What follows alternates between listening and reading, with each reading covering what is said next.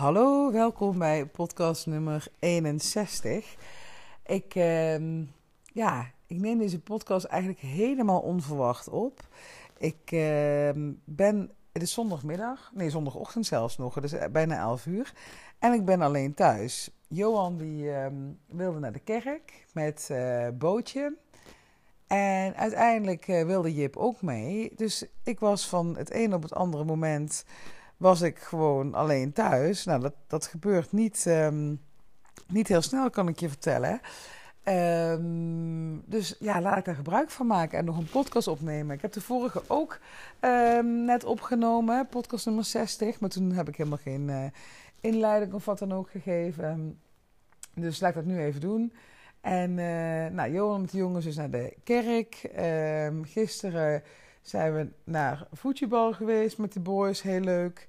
En uh, ben ik smiddags met een vriend um, ja, zijn verjaardag gaan vieren. Echt heel erg. Hij is in mei jarig. En uh, we vieren dus nu in april van vorig jaar nog zijn verjaardag. Uh, zo lang heeft het moeten duren voor we dat konden doen. En het was natuurlijk ook met corona dat we, we wilden wel iets leuks van maken. dat het iedere keer er maar niet van kwam. We wilden eigenlijk gaan suppen. Maar het weer was zo slecht en het water is zo koud nu. Dat, um, ja, dat het niet eens kon uh, bij de gelegenheid waar we dat wilden doen. En uh, toen zijn we gisteren even lekker um, een, uh, een late lunch gaan doen om half drie bij Mama Kelly. Hele leuke tent hier bij het Olympisch Stadion in Amsterdam. Alles is in roze. veel vrijgezellenfeestjes worden er gegeven. Je kan allemaal roze cocktails drinken. Nu ik het zeg, krijg ik eigenlijk weer een beetje een zuur, ja, hoe noem je dat? Zo'n zuur gevoel in mijn maag. Want ja, we hebben eigenlijk al net even één rozeetje te veel gehad. En uiteindelijk heb ik nog een espresso martini gehad. Mega, mega lekker. Maar ja, ik voel het dan wel de dag daarna. Maar goed, dus ik lig nu nog even een beetje te chillen. Ik lig nog steeds. Um, ik heb dat in een van de eerdere podcasten met je gedeeld.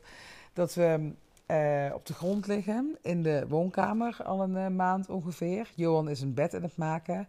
Het einde begint nu wel echt in zicht te komen. het ziet er echt mooi uit. Um, maar ik denk dat we nog een weekje ehm, hier liggen. En Johan wil voor de paas het af hebben. Dus uh, hij heeft nog een paar dagen te gaan. En uh, als het goed is, liggen we dan in ons eigen slaapkamer. In ons nieuwe grote bed. Echt heel mooi. Dus uh, ja, daar hoop, ik, daar hoop ik gewoon eventjes op. Nou, nu heb ik dus voor deze podcast. Ik zit weer in mijn lijstje te kijken van welk onderwerp zou ik nou gaan gebruiken. Normaal bedenk dat van tevoren. Maar nu ik zit even twijfelen. Zal ik het gaan hebben over hoe je een aanbod creëert? Laat ik dat doen. Ja, laat ik het erover hebben van hoe creëer je nou een aanbod? Zoek echt wel een interessant onderwerp als ondernemer. Van wat ga je nou aanbieden? Nou, heel vaak krijg ik al uh, de vraag van ik wil wel ondernemen, maar ik weet niet wat ik wil gaan doen. Nou, dat is al, laat ik gelijk maar even een, uh, een deur intrappen. Als je dat zegt en je daardoor ook geen actie onderneemt, dan ben je jezelf dus heel klein aan het houden. Want door continu te blijven zeggen, maar ik weet niet wat ik wil, doe je dus ook niks. En blijf je in die freeze-modus en blijf je daarin hangen van, ik moet eerst weten wat ik wil, voor ik iets kan gaan doen. En ja, zo werkt het niet. Um, kijk, als je echt niet weet wat je wil gaan doen, ik snap dat. Ik heb jarenlang niet geweten wat ik wilde. Um, maar ik had geen podcast uh, die ik luisterde waarin ik streng werd toegesproken. En jij nu wel. dus maak daar gebruik van. Als jij geen idee hebt wat je wil gaan doen als ondernemer, maar je wil wel gaan ondernemen, totaal geen probleem. Ga iets doen waar, um, wat heel dicht bij jezelf ligt. Bijvoorbeeld hè, wat je al in loondienst doet. Als je al, uh, nou zoals ik, uh, ik als personal assistant uh, of executive assistant, hoe je het ook wil noemen. En ik ben gestart als ondernemer als virtual assistant. Dat is trouwens sowieso ook, nu ik erover nadenk, sowieso een goede tip. Als je het echt, echt, echt niet weet, begin als virtual assistant. Daar is zoveel in te doen. Ik, misschien is het wel goed om dat eens een keertje uit te leggen. Uh, want als virtual assistant is het niet zo dat je, uh, nou, zoals ik toen in een loondienst werkte, dat ik uh, uh, beetje agendabeheer, e-mailbeheer, um, tickets, boeken, hotelovernachtingen, afspraken. Nou, noem het allemaal maar op. Hè, dat dat hele back-office gedeelte. Uh, dat is niet per se wat een virtual assistant doet. Er zijn wel virtual assistants die dat doen, die dat als niche hebben, die dat gekozen hebben. Maar als virtual assistant kan je bijvoorbeeld ook iemands social media plannen. Uh, misschien uh, wil je wel in de techniek specialiseren, dat je technisch VA wordt. Ehm, hè, dat je allemaal van die dingen op websites regelt en doet. Ja, ik, het is echt mijn grootste nachtmerrie om dat te gaan doen. Ik ben daar niet voor in de wieg gelegd, maar het kan. Um, dat kan je doen. Je kan leren adverteren. Dat je mensen, hè, andere ondernemers gaat helpen met hun advertenties. Dat je daar VA in wordt.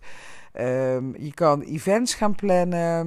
Um, nou, er zijn zoveel dingen die je als VA kunt doen. Dat het bijna onmogelijk is dat je uh, dat niks voor jou bij zit. En als je heel laagdrempelig wil beginnen met ondernemen en je weet niet zo goed wat je wil, ja, ga daar beginnen. Want dan kan je ook voor andere ondernemers uh, starten. Kan je een kijkje bij hun in de keuken krijgen van hoe doen zij dat nou? En dan kom je er vanzelf wel achter wat er bij jou past, wat er allemaal mogelijk is um, en dat. Nou, mocht je iets anders doen uh, in loondienst, weet je wel, misschien ben je al uh, marketeer, dat je denkt van nou, dan ga ik daar gewoon um, uh, ook mijn business van maken. Of misschien ben je communicatiedeskundige. Uh, dat je denkt van nou, dat advies wil ik ook um, als ondernemer gaan aanbieden. Of je bent advocaat. Nou, begin gewoon dicht bij huis. Ga gewoon doen wat heel dicht bij je ligt. Wat je weinig moeite kost. Want dat hele ondernemen, dat is al een, ja, een hele grote leerschool op zich. Dus um, maak het jezelf niet te moeilijk, zou ik zeggen. Uh, ga niet um, het wiel proberen uit te vinden een gat in de markt te zoeken. Uh, er is al genoeg vraag naar dingen die er al zijn, die je gewoon, ja, om het maar heel even lomp te zeggen, kunt copy-pasten. Dus maak het jezelf echt niet te moeilijk. Wat daarbij dus wel echt essentieel is, en daar zie je ja, heel veel ondernemers er mis mee ingaan, is dat ze beginnen bij het aanbod en dan pas de klanten gaan zoeken. Ja, en dat is wat mij betreft echt niet slim. Misschien heb je geluk en zet jij een aanbod in de markt waar blijkbaar vraag naar is. Maar wil je het zeker weten en wil je je tijd niet verspillen en um, echt leren um, voor wie jij dit, dit, dit um, uh, maakt en leren welke taal jouw klant spreekt, ga dan onderzoek doen. Ga uh, onderzoeken. Uh, je begint eigenlijk, als je een aanbod maakt, met het definiëren van jouw ideale klant. Met welke klant wil jij samenwerken? Nou, als je mijn training uh, Bye Bye Boss Hello Freedom volgt, dan heb ik daar een hele lijst voor, een vragenlijst. Um, uh, die je bij jezelf te raden mag gaan van um, met welke persoon wil ik nou samenwerken? Waar wil ik nou mijn bedrijf op richten? Waar wil ik mijn marketing op richten? Maar ook met wie wil ik absoluut niet samenwerken. Ik heb bijvoorbeeld. Um, um, ik heb twee. Um, ik, heb, een ideale klant. Dat is Jessie. En Jessie die werkt op de Zuidas. En uh, die. Uh, nou, dus Jessie is eigenlijk de persoon die ik drie jaar geleden was. En die gewoon snakt naar meer vrijheid, flexibiliteit. En die meer wil verdienen. Um, uh, en ja, een beter leven voor zichzelf wil creëren. Dat is mijn ideale klant. Maar ik heb ook een anti-persona. Uh, en dat is Kitty. ik vind, ja, sorry, als er iemand Kitty heet en het luistert, mijn excuses. Maar ik vind Kitty een, een hele. Ja, ik heb er een hele rare associatie bij. Een beetje een naam van uh, een zeurkous. Weet je wel, zo iemand die uh, bij alles wat je zegt, als je zegt van nou, ga daarmee aan de slag of zus mee aan de slag. Ja, maar uh, voor mij is dat anders, voor mij kan dat niet. Ja, echt het ja-maar syndroom. En dat, dat, ja, dat is niet een klant waar ik mee wil gaan werken.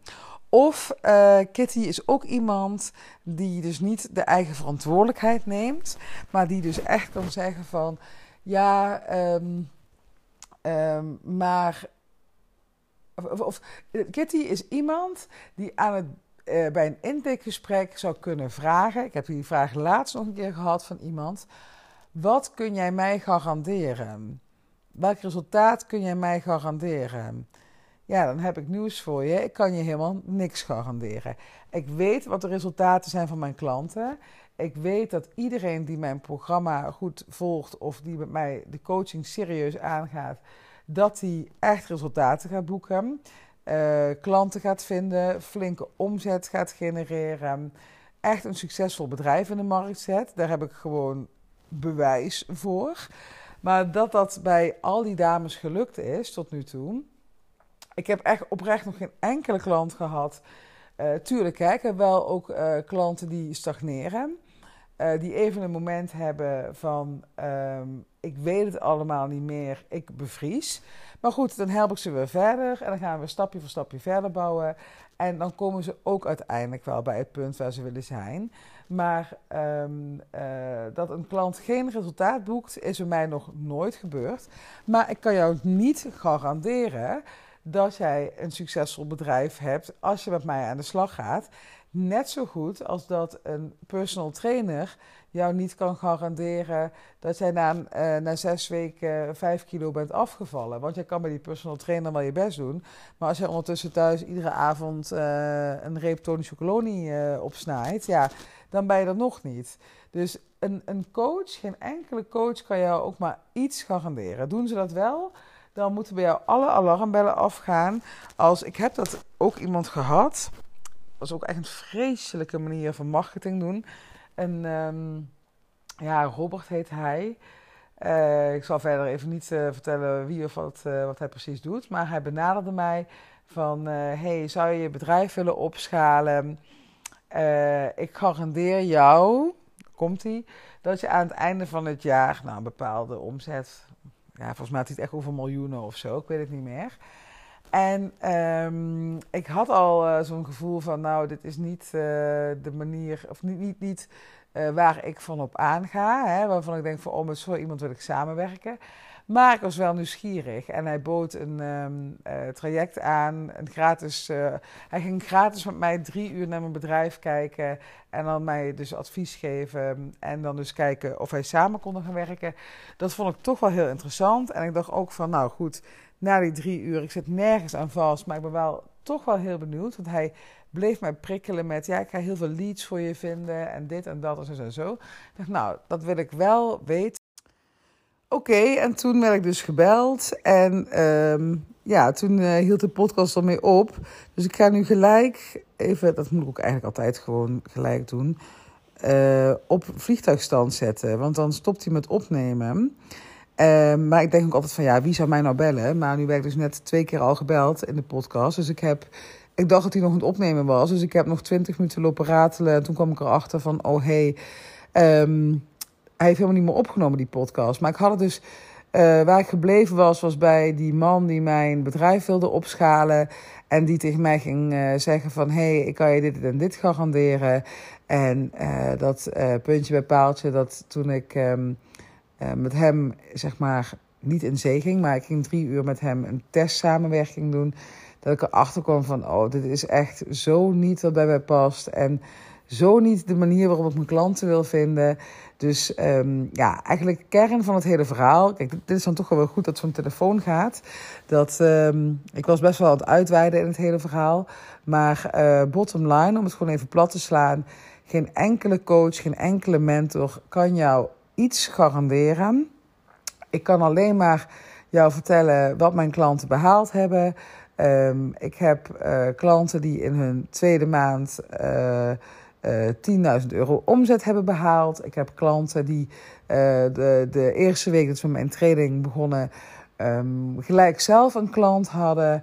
Nou, noem het allemaal maar op. Al die successen, die kan ik met je delen. Maar in die end zal jij het moeten doen. Net zoals dat een personal trainer niet kan garanderen.